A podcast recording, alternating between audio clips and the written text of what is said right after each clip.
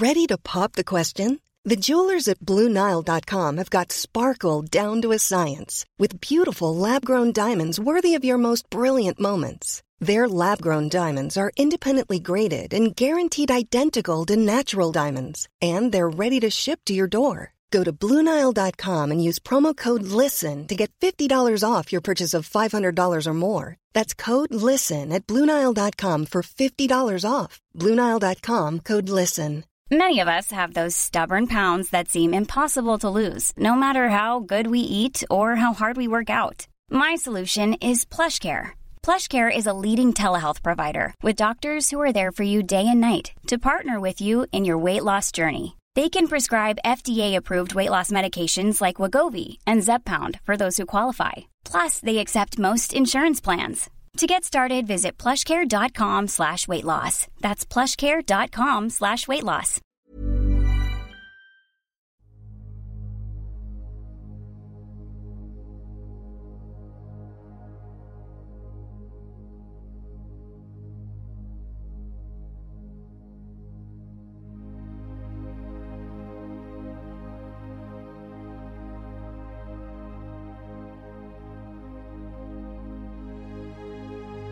Ljus eller mörker gäller människor i den fysiska dimensionen och varelser i alla andra dimensioner. För att kunna se vad som är vad behöver vi människor vara öppna för både ljus och mörker. Det kräver mod och ett öppet sinne. Ljuset ger oss ljus, värme, kärlek, gemenskap, tillhörighet, vänskap och en massa vackra livsupplevelser.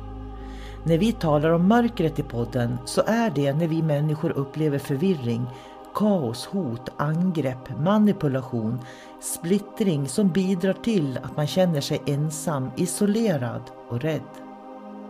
Att vara i sin egen kraft är att våga se verkligheten för vad den är och där göra medvetna val. Du kan bara kontrollera din värld, dina känslor, din livsupplevelse och det är att vara i sin egen kraft. Varmt välkommen till podden Kosmiska samtal.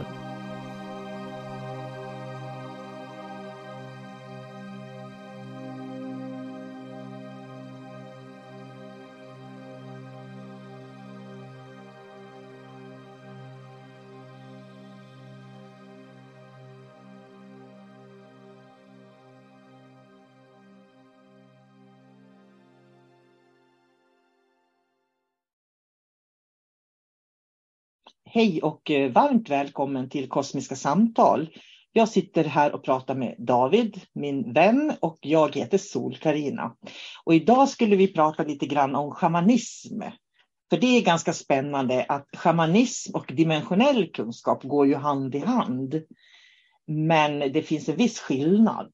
Så jag säger hej David, kul att ses igen. Hej sol karina Uh, Eh, hur tänker du kring shamanism och vad, det du vet om shamanism och shamaner?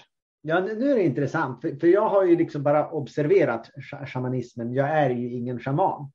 Men jag har förstått att vi till viss del så använder jag samma tekniker som, som en shaman.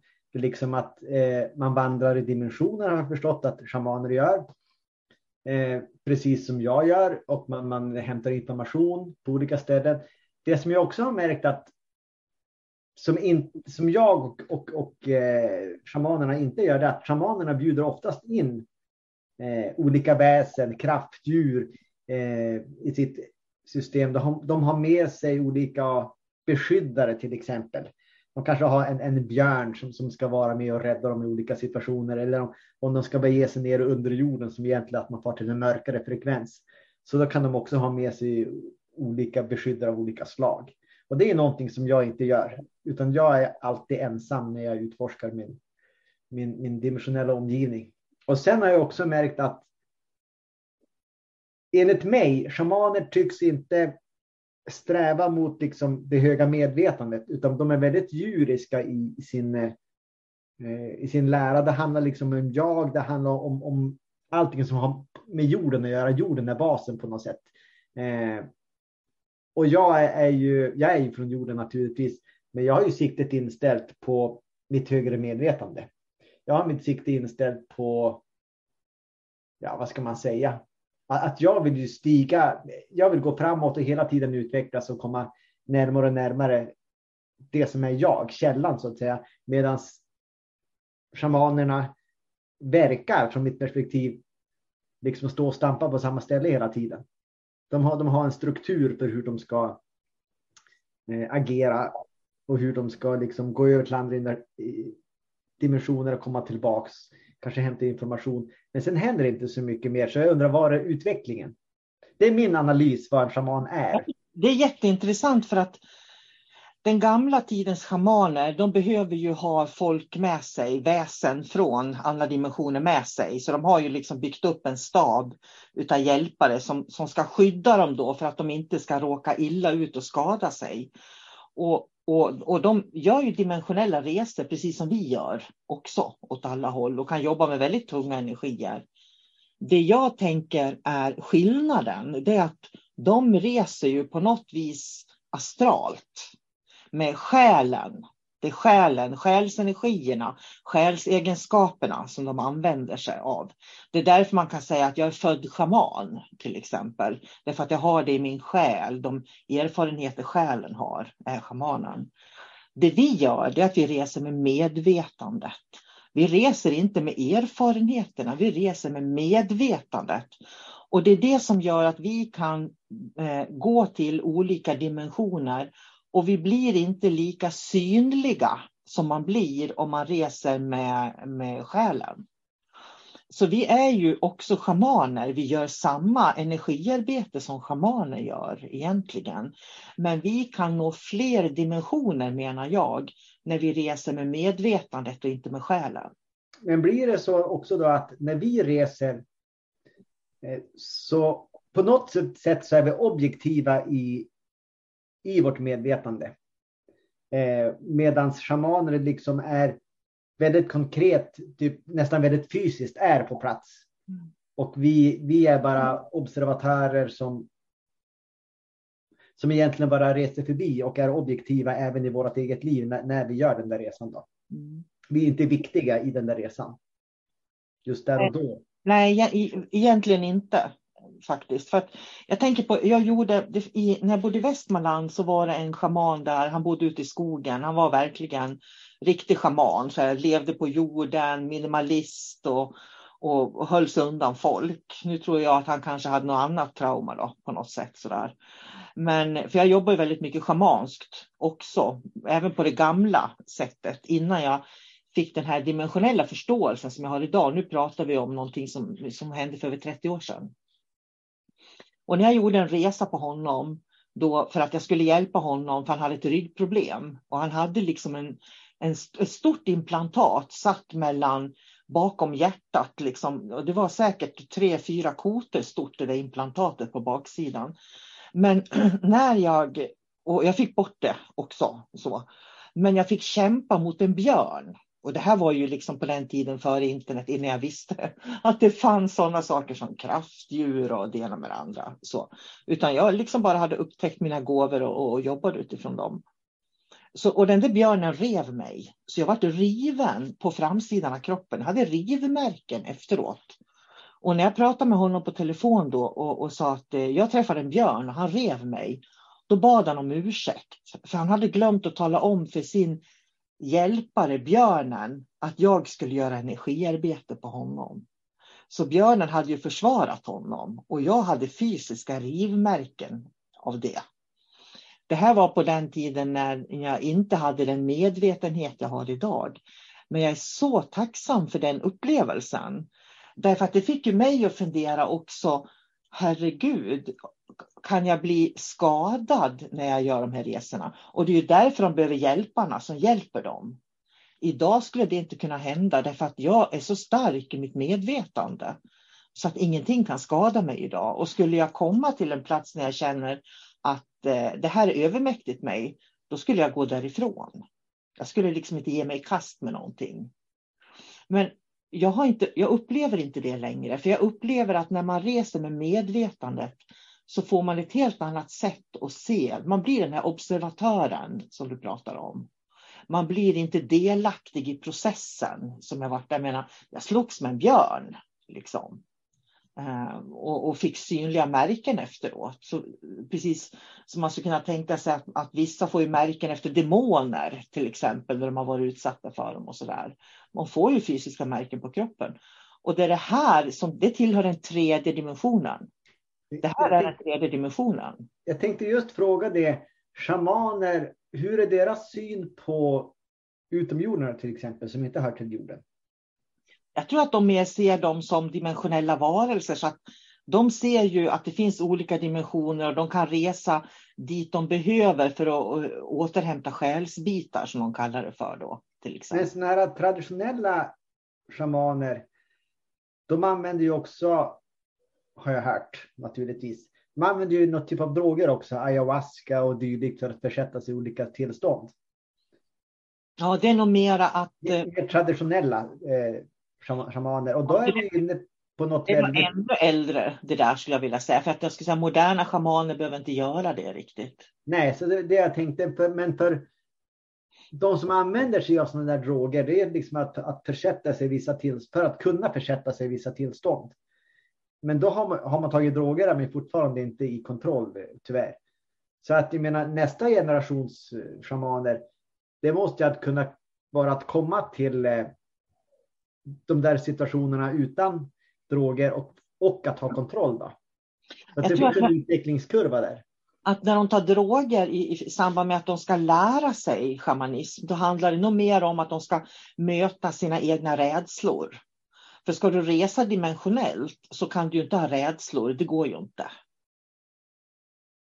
Nej. Har, har, du rädslor, det är ju då du kan råka illa ut. Och faktiskt, det är ju livsfarligt att göra energiarbete och vara rädd. Ja, men, men om vi nu, jag för, nu försöker jag bara förstå här. Ja. Men jag till exempel, jag har ju aldrig tagit droger. Och jag reser ju dimensionellt.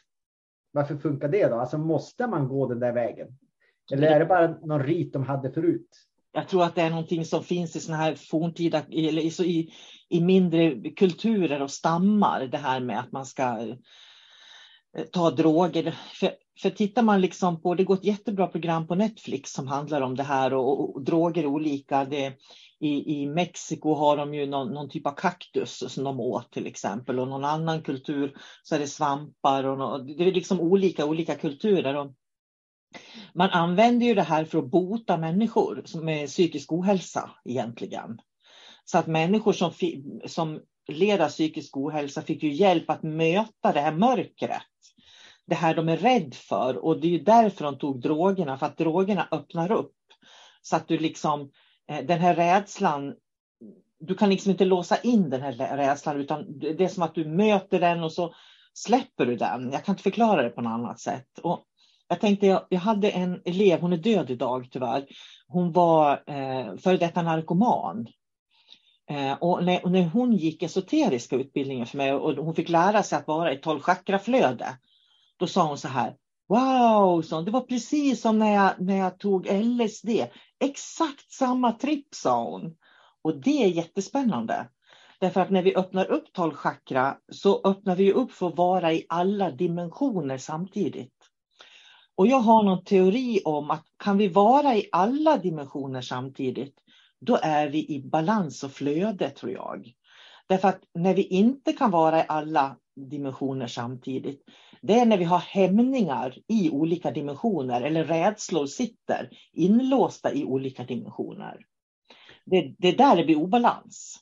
Men det måste ju också vara som för att i, i, i alla dimensioner så finns det egenskaper.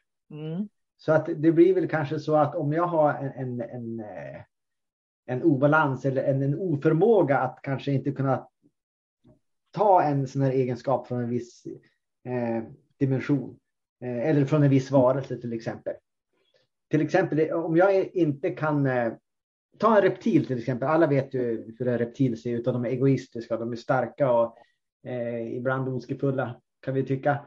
Men de har ändå bra egenskaper. Jag kanske behöver reptilens eh, liksom självkänsla ibland eh, när jag ska göra något viktigt, när jag ska stålsätta mig. Nu ska jag banna mig klara det, jag ska framåt och idag är det jag som gäller. Jag ska fixa det här. De behöver kanske reptilens egenskap just där och då. Mm. Eh, det behöver inte värdera någonting om bra eller dåligt, utan jag behöver den egenskapen. Men då kanske jag har ett trauma, låt mig säga att för att göra det enkelt, reptilen har gjort någonting för mig, begått ett övergrepp som gör att jag blir svag och ynklig. Så att eh, när jag ska hämta reptilens, eh, eller i, i ögonblicket då jag behöver den här styrkan, det enda jag får det är liksom ynklighet istället. Åh nej, jag klarar inte av det här för att reptilen har skapat en blockering hos mig som gör att jag når inte den här egenskapen och istället når jag bara traumat eller såret som den har orsakat mig. Så att, kan det vara så?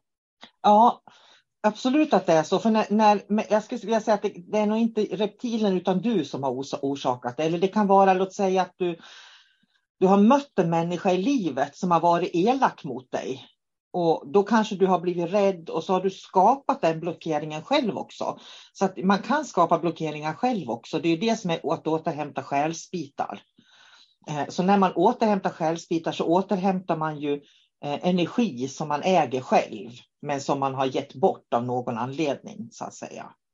Men, men det kan absolut vara så, för att jag tror att om, om du inte kan använda till exempel, eh, oh, nu tappar jag, nu, jag tappar ju ord. Vad var det du pratade om? Du pratade om egenskaper, reptilens ja. egenskaper. Reptil var det, det var det ordet jag tappade. Om du, om du inte kan ha reptilens egenskaper och dimension öppet, då kan du ju heller inte använda dig av det, precis som du säger, när du behöver det. Och det innebär att du får en svaghet i ditt energisystem. Och det är precis så det fungerar när man inte har dimensionell kunskap. Du har ju inte tillgång till alla egenskaperna, alla dimensionerna. Det är därför man är begränsad. Det är därför du måste göra de här själsåtervinningarna för att få tillbaka de här egenskaperna, om man säger så. Och det är väl därför också som, nu, nu försöker jag lista ut bara rent, rent tekniskt hur det fungerar. Och det är också därför som eh, demoner, när de skapar blockeringar i en människa, Eh, de blockerar ju de översta chakrarna förstås och så har de bara kvar det som hör till den, liksom, den fysiska kroppen och den, den här dimensionen. Och det gör att vi kan inte gå och hämta egenskaper från de, de högre dimensionerna, utan vi är liksom låsta i de här lägre och då hamnar vi i deras våld. Mm. Men lik, likväl så är det vi som har tillåtit det här att ske. Så att det är vi som måste rätta till det igen. Eh, men det finns liksom någon typ av logik här också om hur, hur, hur det fungerar. För en demon till exempel kan ju inte ta eh, och radera mitt medvetande. Däremot kan de skapa blockeringar som gör att jag inte når mitt medvetande på det sätt som jag skulle kunna göra. Så jag kan inte ta alla de här beståndsdelarna som behövs för att se att jag är en människa med ett högre medvetande och jag eh, har mer makt över min kropp än en entitet.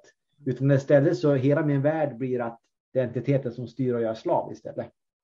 Och pratar man om droger då, för att drogerna blev ju det är ju så att droger, man säger drog, de här drogerna som vi pratar om nu, då, det är ju droger som eh, ursprungsbefolkningar har använt i århundraden för att hjälpa sjuka.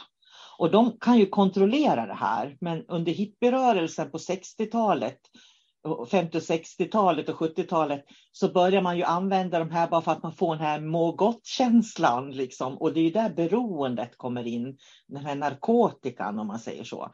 Och det som är så intressant är att alla de här eh, svamparna och, och, eh, ja, allt vad det är de använder och blommor och, och, och bark och sådär.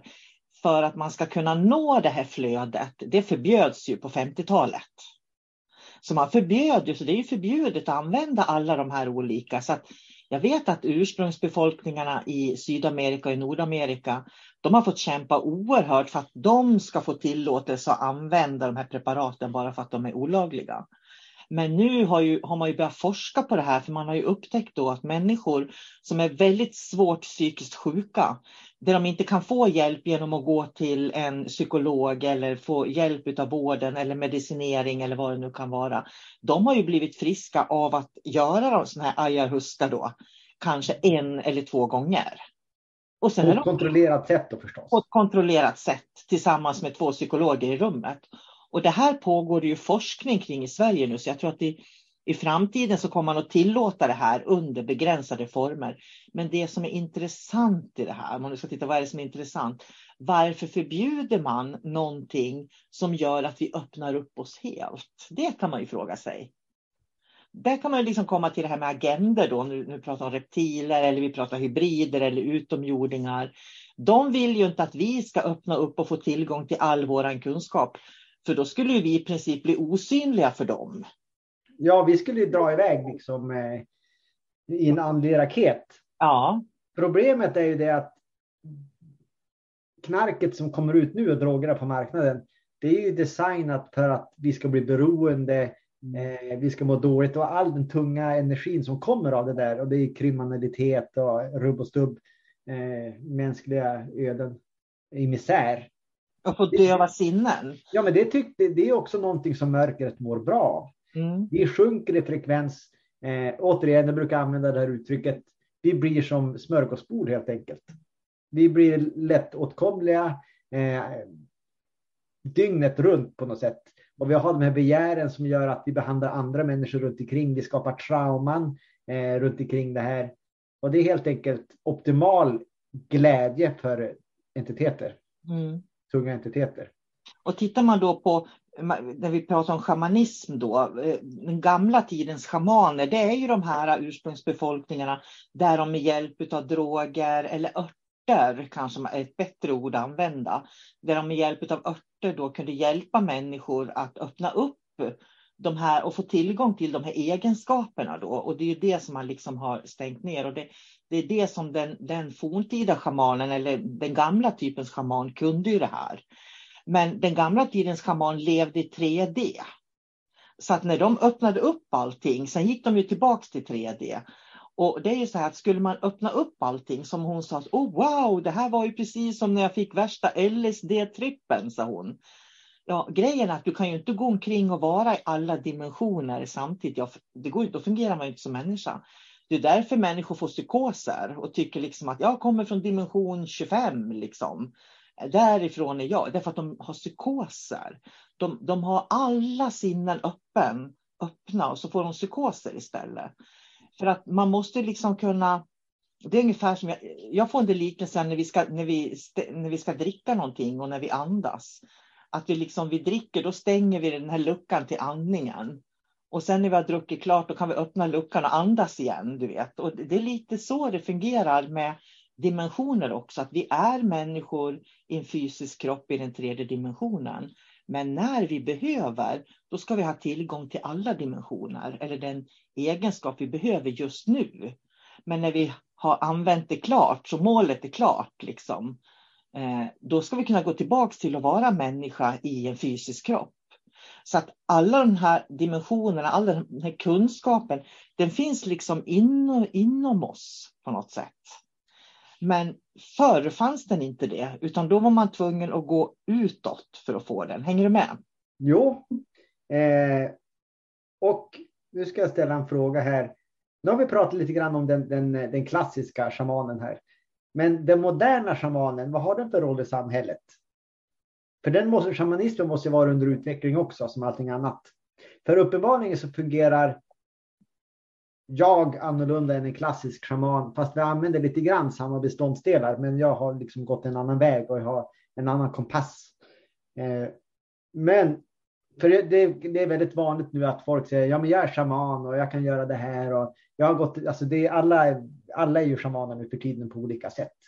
Eh, så shamanen, den moderna shamanen. Vad fyller den för roll i samhället idag? den moderna shamanen är på väg mot en dimensionell förståelse skulle jag vilja säga. Så att den moderna shamanen idag eller den gamla shamanen kommer att gå mot en dimensionell förståelse. Och när, vi, när, när shamanen får en dimensionell förståelse, då behöver inte shamanen vara rädd när den reser dimensionellt. Därför att då kan man resa med medvetandet, en medvetenhet. Och, men om man tittar hur det ser ut på världen och hur mycket psykisk ohälsa vi har och hur mycket fysisk ohälsa vi har så behövs ju fortfarande eh, de, de, gamla shamanerna med örtkunskapen, det tror jag.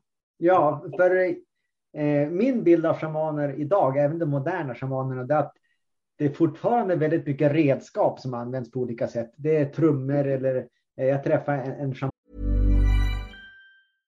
Mom deserves the best and there's no better place to shop for Mother's Day than Whole Foods Market. They're your destination for unbeatable savings, from premium gifts to show-stopping flowers and irresistible desserts. Start by saving 33% with Prime on all body care and candles. Then get a 15-stem bunch of tulips for just $9.99 each with Prime. Round out Mom's menu with festive rosé, irresistible berry chantilly cake, and more special treats. Come celebrate Mother's Day at Whole Foods Market. Hey, it's Danny Pellegrino from Everything Iconic. Ready to upgrade your style game without blowing your budget? Check out Quince. They've got all the good stuff shirts and polos, activewear, and fine leather goods, all at 50 to 80% less than other high end brands. And the best part? They're all about safe, ethical, and responsible manufacturing. Get that luxury vibe without the luxury price tag. Hit up quince.com slash upgrade for free shipping and 365 day returns on your next order. That's quince.com slash upgrade.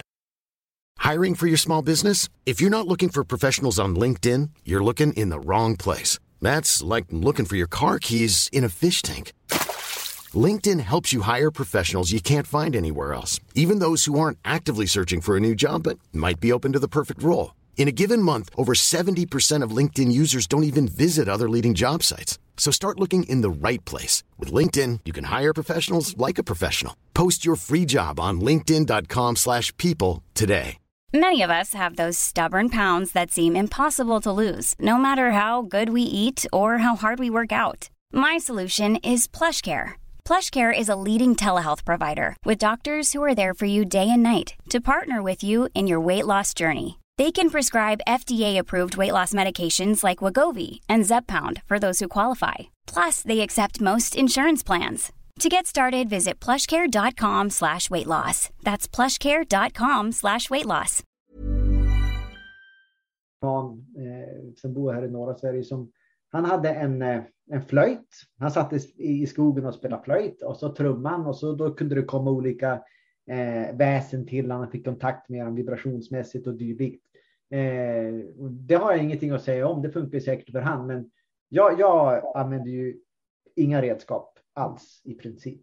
Nej, jag skulle säga inga, inga redskap alls. Eh, och han använder redskap och det, det är väl fine så.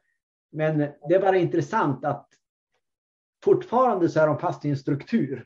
Mm. Om vi nu ska jämföra, för nu är det här en observation från min sida eftersom jag inte är shaman och har inte gått shamanutbildning.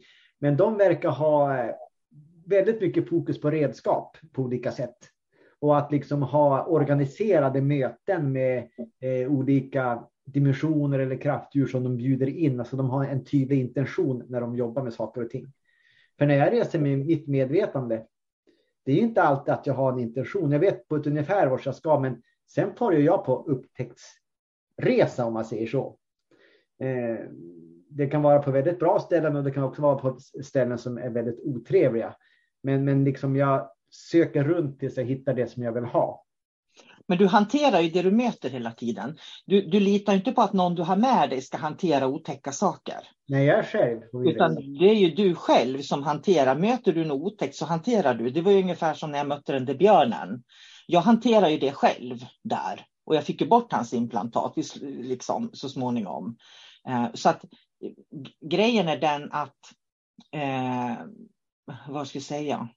Det är det som skiljer i alla fall. Och det är därför som ju mer vi människor lär känna oss själva och verkligen lär känna vår kraft, då behöver vi inte ha hjälpmedel. För trumman, när man spelar trumma, trumma är ju ett sätt att förstärka och förändra medvetandet. Så att du ska komma in i en viss frekvens. Det är därför man använder trumma. Så att när de trummar, då trummar de på ett speciellt vis, i en speciell rytm. Och när du trummar i den rytmen, då gör du inre resor eller yttre resor. Det är därför de trummar eller har skallror till exempel. Och det ser man ju, det är lika med såna här rituella danser. Eh, du har en lägereld och så dansar man liksom runt lägerelden och, och det är också rituella danser därför att de här ritualerna gör att man får en speciell vibration som gör att man kan resa då.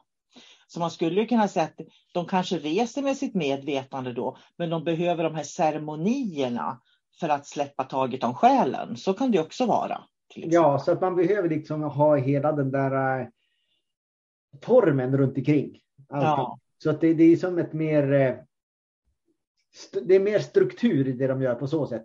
Och det är därför ja. som jag menar att det, det hör mer till den här äh, jorden hör mer till den tredje dimensionen, för de använder ju tredje dimensionens verktyg mm. snarare än att använda medvetandet som finns i alla dimensioner. Så på sätt och vis så jobbar de väldigt mycket med de lägre chakrarna också. Ja, det skulle jag nog vilja säga att de gör faktiskt. Um, ja. Eh, det var någonting jag tänkte på. Jo, jag tänkte på, jag, jag kom på det här för att när jag, och det, det, här börjar ju väldigt mycket när jag började med reiki, för när jag, jag skickade reiki på distans så upptäckte jag att jag kunde hjälpa till på så många olika sätt. Det var ju där jag upptäckte den schamanska delen. Plus att jag gick eh, både harmonutbildningar också då, och kroppsterapeutiska utbildningar och så la ihop ett och två liksom sådär och så började jag fatta hur det låg till.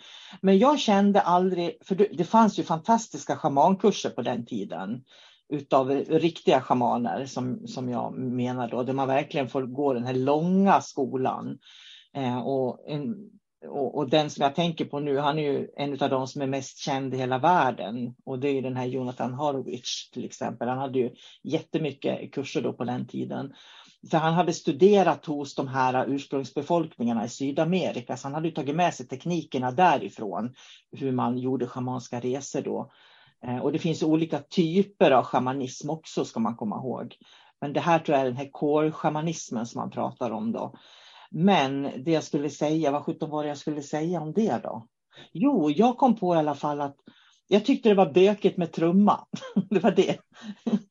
så att, jag kände, men gud, ska jag trumma bara för att det räcker med att jag blundar så är jag där. Så tänkte jag.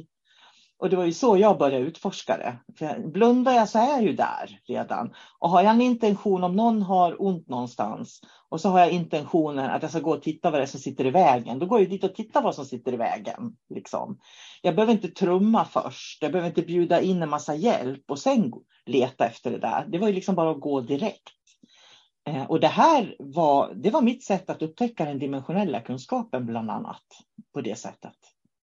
Ja, det, det är väldigt fascinerande. Jag, jag börjar ju få en lite större bild av hur, eh, hur, vad shamanism är, även om det var ganska mycket som jag föreställde mig att det var också. Men jag kommer att tänka på en sak nu som inte jag har tänkt på på väldigt länge. Men när jag börjar vandra med mitt medvetande så vet jag att när jag får till andra dimensioner och jag kanske kommer till, låt oss säga att jag får till en, en, en tung frekvens. Så jag, det är svårt att förklara, men det var precis som att jag kunde se allting som var i den dimensionen. Jag kunde se varelserna, men det var en tunn slöja emellan så att de såg inte mig. Det var ungefär som att jag, jag gick i en, en, eh, ungefär som att man hade ett skynke framför mig. Så att jag såg allting, men de såg inte mig. Och den känslan var väldigt speciell. Liksom att jag kan vandra dimensionerna, men jag kan också eh, uppträda där på ett sätt som gör att jag blir osynlig. Och det, det, är det som jag nu kallar att, att jag ser från, från eh, högre dimensioner och neråt. Och det här, nu börjar det bli intressant. Jag kommer ihåg att jag pratade om de här i, i, jag hade läst böcker för länge, länge sedan hur de liksom förflyttade sig på jorden till olika platser och, och kunde liksom spionera som var en del av att de spionerar. Det du pratar om nu, det här med att förflytta medvetandet, för grejen är att ibland kan man ju få en känsla att det är någon som är i rummet. Liksom. Och om du reser med medvetandet, då kan du resa osynligt. Du kan alltså gå in i ett sammanhang, se vad som pågår där. De kommer inte att känna av att ditt medvetande är där. För medvetandet har en sån energi och är så lätt, om man säger så. Men reser du med själen, då kommer människor få en obehaglig känsla av att någon är i rummet du syns att du är där och det är skillnad. Man känner ett intrång helt enkelt. Ja, så när, när de gånger som jag kan känna att det kommer in någon i mitt hem så beror det på att de reser med själen, inte med medvetandet. För skulle de resa med medvetandet, då skulle inte jag uppfatta det. Och det här lärde jag mig för, för eh, en kompis som också är död idag. Alltså, jag har så mycket döda människor i mitt liv. Men jag är gammal också. Är man gammal då, då hinner många dö, om man säger så. Det var en kompis i alla fall som eh, jag hade haft kurs, jag tror det var 93 så hade jag haft kurs och så skulle jag åka hem till honom sen då efteråt när jag hade haft kursen klar och sluta. Men sen vart jag sen. Det vart liksom, ja, man stod kvar och pratade med kursdeltagare och så där. Och så plötsligt så känner jag bara hur det liksom manifesterar sig som en stor svart skugga i rummet. Det var riktigt obehagligt. Det var som det stod en stor svart grizzlybjörn i rummet. Liksom. Och jag bara usch. Eh, ja, jag kunde liksom känna det obehaget. Sen när jag kom till honom då äntligen, för det fanns ju inte mobiltelefoner på den tiden, för då kunde man ju liksom skriva, jag är lite sen, liksom sådär. Eh, utan då kom man när man kom helt enkelt.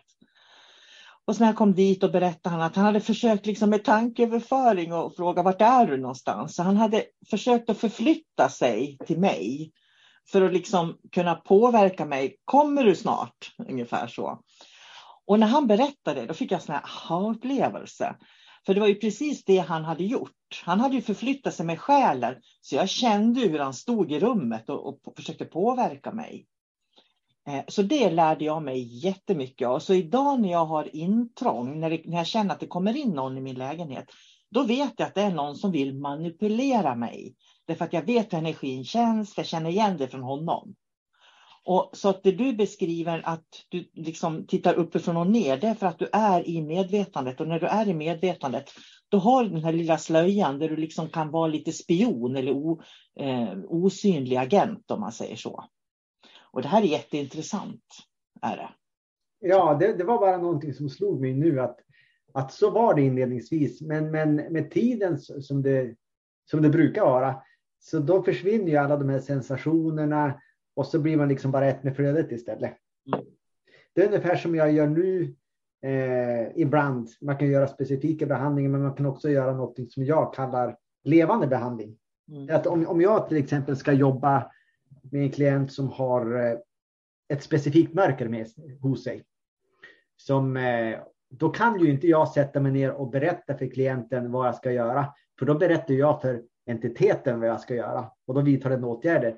Och det, det enda jag gör då är att jag har intentionen att jag ska gå in till den här klienten, eh, tona in på den. Jag kan antagligen så förflyttar jag mitt medvetande till den situationen. Och sen observerar jag bara. Jag vet, jag har absolut ingen aning om vad jag ska göra. Jag, jag skickar ljus, observerar, observerar och sen börjar det hända saker. Mm. Att eftersom man har observerat. Och det är lite grann samma teknik. att du, du vet, man har tålamod. Man sitter ner och så väntar man, ungefär som när man sitter på älgjakt i mm. tornet där. Man väntar, man väntar, man väntar. Till slut så då börjar det röra sig lite saker i skogen. Eh, så det handlar bara om att observera och liksom för att komma in i det här seendet på något sätt. Men det där är intressant. För det du beskriver nu det är att du beskriver hur du ser. Hur du ser det. Och det är precis som när man ser det så upplöser det sig också. Ja, för, för det är det jag brukar säga att mörkret avslöjar ju alltid sig själv i förlängningen. Så det handlar ju för oss att ha tålamod. Mm. Lita på det vi gör, ha tålamod och liksom jobba med ljuset och ju, ju, det är också någonting, ju, ju mer ljus jag liksom som drar ner, desto mer börjar konturerna komma fram från mörkret också. Det som försöker gömma sig där i, i någon typ av, av skuggvärld, det, det träder fram. Mm. Så det, det, det, är den här observationen som jag återigen använder. Kan du dra några likheter eller paralleller till shamanism där? Ja, det jag tänkte på det var att du gjorde ju en behandling för länge sedan. Eh, jag vill inte nämna vid namn vem du gjorde det på, men då, då gick du till själva problemet i den fysiska kroppen och så följde du spåret tillbaka var det kom ifrån. Och då hamnade du på ett utomjordiskt skepp, kommer du ihåg det? Kommer ja, ihåg? det låter bekant. Ja, och det där är ju ganska typiskt, liksom hur istället för att gå hur säger, gå dit så säger att här är problemet och sen följer du spåren tillbaka till eh, kärnan där problemet är. Ja. Och det, det är ju liksom ganska typiskt shamanism och för att kunna göra det så måste du vara väldigt trygg för att kunna följa det spåret tillbaka. Därför att du kan inte följa spåren dimensionellt om du inte är en väldigt, väldigt trygg person. Det går inte. Nej, för det blir en resa i det okända. Man har absolut ingen aning om vad som ska hända i en sån där. Eh, ja, man skulle, ja, dimensionsvandring, det är ju vad det är. Mm. Eh, jag menar, precis som du mötte ju en björn till exempel. Det var ju inte förberedd på. Eh, så att allting är ju möjligt när man jobbar dimensionellt. Mm. Och jag skulle vilja ta en annan liknelse där, för jag gjorde också en, en resa en gång på en man. Han ringde mig för han Han vaknade på morgonen och kände sig inte glad och lycklig. Eh, och, och, Det jag gjorde då det var att jag gick till den här känslan i honom där han vaknade varje morgon och inte kände sig lycklig. Och det är precis samma sak. Sen följer man den känslan, man går in i den så att man verkligen liksom är i den och det räcker med att man är i den så visar det sig vad som finns där på något sätt. Och det jag såg då så såg jag en likvagn, så vet på häst, för, förr i tiden de kom med häst och vagn och så låg det en, en, eh, Eh, en, kista på den här hästvagnen då. Och han hade hoppat upp på den här vagnen och på något vis konfronterats med, det, med att det var ett lik som låg där. Och han hade blivit jätterädd där. Och det var vad jag såg och då berättade jag det för honom. Och han bekräftade. Han hade ju varit med om det här som jag såg då. Så det räckte med att jag berättade att den här händelsen då har du varit med om. Och när, när och det, det var ju också liksom att jag gick in i hans känsla, följde spåren tillbaka, om man säger så. Och det är precis det här som jag lär ut i den här nya utbildningen som jag har, som kommer nästa år, den här ljusutbildningen, hur man läser, eh, går in i olika tidsåldrar. Det är egentligen precis det vi gör, David. Det är jätteintressant. Det blir lite grann som att eh, man vet ett ungefärligt problem, eh, men inte exakt vad det är. Däremot så kan man se symptomen, så då tar man eh, fokus på ett symptom och så följer man spåren bakåt, hittar man problemet och sen så går man ännu längre bakåt och då hittar man vad som orsakade problemet. Och man behöver inte göra någonting. Det räcker med att man ser det så transformeras det. Det är det som är så intressant. Han ringde mig efter ett år. Då ringde han upp mig. För ibland är det ju så, man vet ju inte, du vet ju hur det är, man vet ju inte hur det går för klienter. Liksom. Efter ett år så ringde han upp mig och så sa han, vet du om, jag, jag ville bara ringa och tala om att jag har varit glad och lycklig varenda dag sen du gjorde den där behandlingen på mig för ett år sedan. Så, så han hade liksom, bara det att vi såg tillfället tillsammans och han kunde identifiera det, så fick han transformationen. Ja, han löste upp eh, den här ja. knuten. Då och det är så jag uppfattar att du jobbar också. Du jobbar också så. Och det är det här som är själva hemligheten i att kunna göra det här för att kunna utföra mirakel med människor. Eh, det är det här som är sanna mirakel. För det är precis samma sak vi har pratat om tidigare. Vi pratade om i förra podden där med om man har varit med om övergrepp till exempel. Att, att våga se och uppleva det här jobbiga som jag faktiskt har varit med om. För i samma ögonblick jag vågar möta det så upphör det också. Det är det som är så fascinerande. Ja, hemligheten det är ju det att minnet kommer ju alltid, eller bilden kommer ju alltid att finnas kvar. Men känslan som är kopplat till den där bilden, den är helt förändrad. Det är helt bortblåst. Det berör mig inte. Det är ungefär som att eh, om man ser någonting på film, man kan välja att ja, men det var ju tråkigt det där, men eh, nu ska jag leva mitt liv. Alltså jag blir inte berörd mm. av det där minnet, för det är bara en tom bild kvar, ett tomt skal och jag tar inte mitt trauma personligt. Det är ett eh. minne utan känslor. Jag tänker, ja. pratar ju ofta om det med memory lane, att, man, att man, vi liksom läser in så mycket känslor och gör det till nutid. Och det är precis det du pratar om, att här har man plockat bort känslan i en upplevelse. Så upplevelsen finns kvar, men inte den här känslan. Det är, den har man ju läkt då. Ja. Och då är man inte berörd längre. Nej. Så att eh, vi, vad är det vi pratar om? Vi pratar om shamaner, eller hur? Visst är det det vi gör? Mm. Så att, men, men då ska jag också tänka så här, jag har ju träffat personer som, eh, det finns ju jätteduktiga shamaner förstås, men shamaner som är eh, fyllda av trauman och som är rädda av sig. För de har jag mött också. Men det är en helt annan kategori, så de ska man inte blanda ihop med de, liksom de, eh, de duktiga shamanerna om man säger så. Om man fann det uttrycket det finns ju ett problem att om man är väldigt rädd eh, och ängslig till exempel eller har trauma, att mörkret också sipprar igenom. Eh, för jag pratade med en person som hade gått en shamanutbildning och hon hade bjudit in, som jag förstår det, eh, en orm i sitt energisystem. Så jag frågade hur var kursen? Ja, jag känner att ormen är kvar och jag känner, jag känner mig arg och det känns som att jag har en kluven tunga. Och då kändes det så här att vad gör ni på er utbildning. Ni bjuder alltså in entiteter i din fysiska kropp. Och sen så är de kvar när kursen är, är slut. Det där låter ju inte alls sunt på något sätt. Varför ska man bjuda in en varelse i sitt energisystem? Man, man ger dem tillgång till sitt energisystem. Om den är... för det första så ska, enligt min mening, så ska man ju aldrig göra det på det sättet. Men om den vill stanna kvar, då gör den det sen, för den har fått tillåtelse att komma in dit. Så jag menar, vilken medvetenhet man har som shaman är ju jätteviktigt för att inte bli smittad heller av mörkret. Mm. Så är det, definitivt, håller med om det. Vi ska avrunda där. Men det var ett spännande samtal om shamaner eh, i alla fall. Ja, det var det. Ja, ja ett, ett nytt sam, en ny typ av samtal som vi inte har pratat om. Vi har inte pratat om det på det här sättet förut. Nej, och det, jag tycker att det är extra intressant när eh, jag har bara gjort reflektioner och pratat med folk, men jag vet ju egentligen inte vad, vad shamanism är. Och så, det var lite grann som att, att jag ställde frågorna och du svarade. Ja, Uh, och då har vi ändå bara nosat på shamanismen. Jag skulle vilja säga att vi är shamaner, men vi är moderna shamaner. Därför att vi är så pass orädda när vi reser att vi, är, vi kan hantera det vi möter när vi reser. Vi behöver inte ha hjälp och vi behöver inte ha någon annan som kontrollerar oss. Och jag skulle aldrig idag gå till en schaman som måste bjuda in väktare, hjälpare på något vis som inte kan stå helt och fullt i sin egen kraft. Det skulle jag inte gå till själv. Det kan jag säga. Nej. Men, men jag vet att vi skulle avsluta nu, men nu, nu kom jag in på ett, ett lite samma ämne här. Det som är väldigt vanligt det är att även alltså, de som inte kallar sig för shamaner som utför healing av olika slag. Det är väldigt, väldigt vanligt att de har medhjälpare. Och där tycker jag att alltså, det kan ju vara helt okej, okay, men man bör ju ändå vara försiktig och man bör ju ställa frågan vad är det för medhjälpare du har?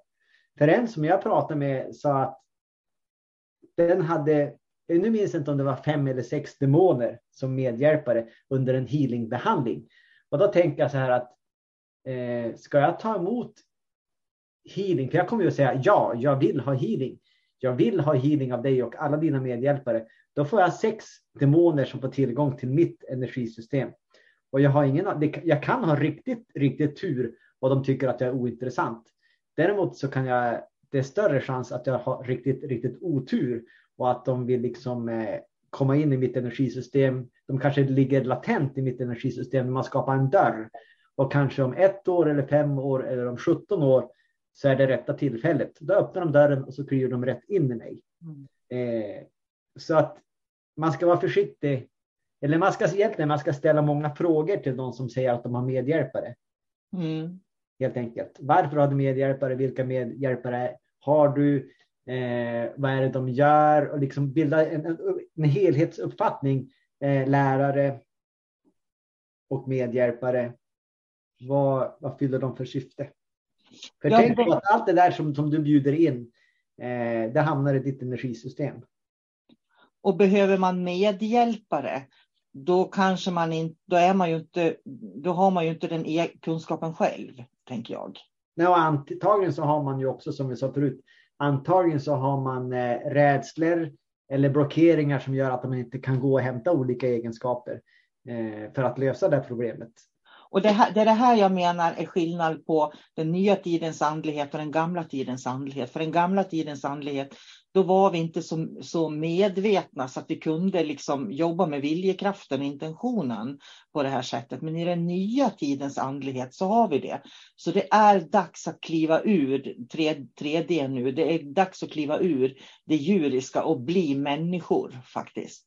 Ja, och där har vi även transmedium. För de gör ju samma sak egentligen.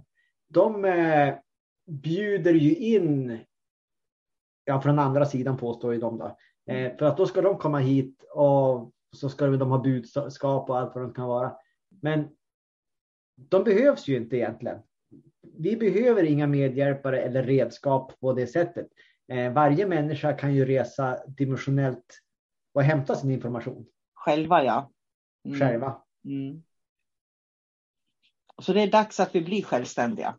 Där ska vi sluta. Där slutar vi. Det har varit en lång podd. tack så mycket för idag David. Ja, men tack själv.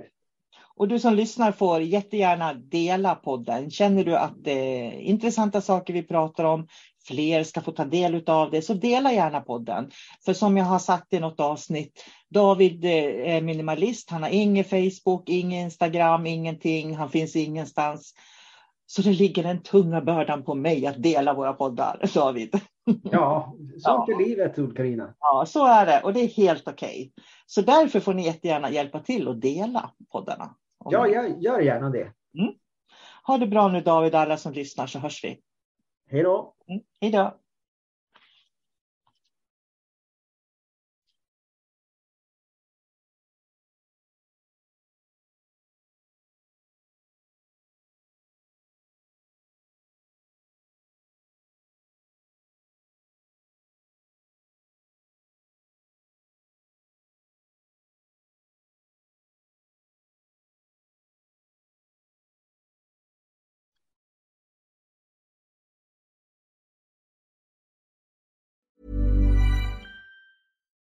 Here's a cool fact a crocodile can't stick out its tongue. Another cool fact you can get short term health insurance for a month or just under a year in some states. United Healthcare short term insurance plans are designed for people who are between jobs, coming off their parents' plan, or turning a side hustle into a full time gig. Underwritten by Golden Rule Insurance Company, they offer flexible, budget friendly coverage with access to a nationwide network of doctors and hospitals. Get more cool facts about United Healthcare short term plans at uh1.com. Even on a budget, quality is non negotiable. That's why Quince is the place to score high end essentials at 50 to 80% less than similar brands. Get your hands on buttery soft cashmere sweaters from just 60 bucks, Italian leather jackets, and so much more. And the best part about Quince, they exclusively partner with factories committed to safe, ethical, and responsible manufacturing. Elevate your style without the elevated price tag with Quince. Go to quince.com slash upgrade for free shipping and 365-day returns.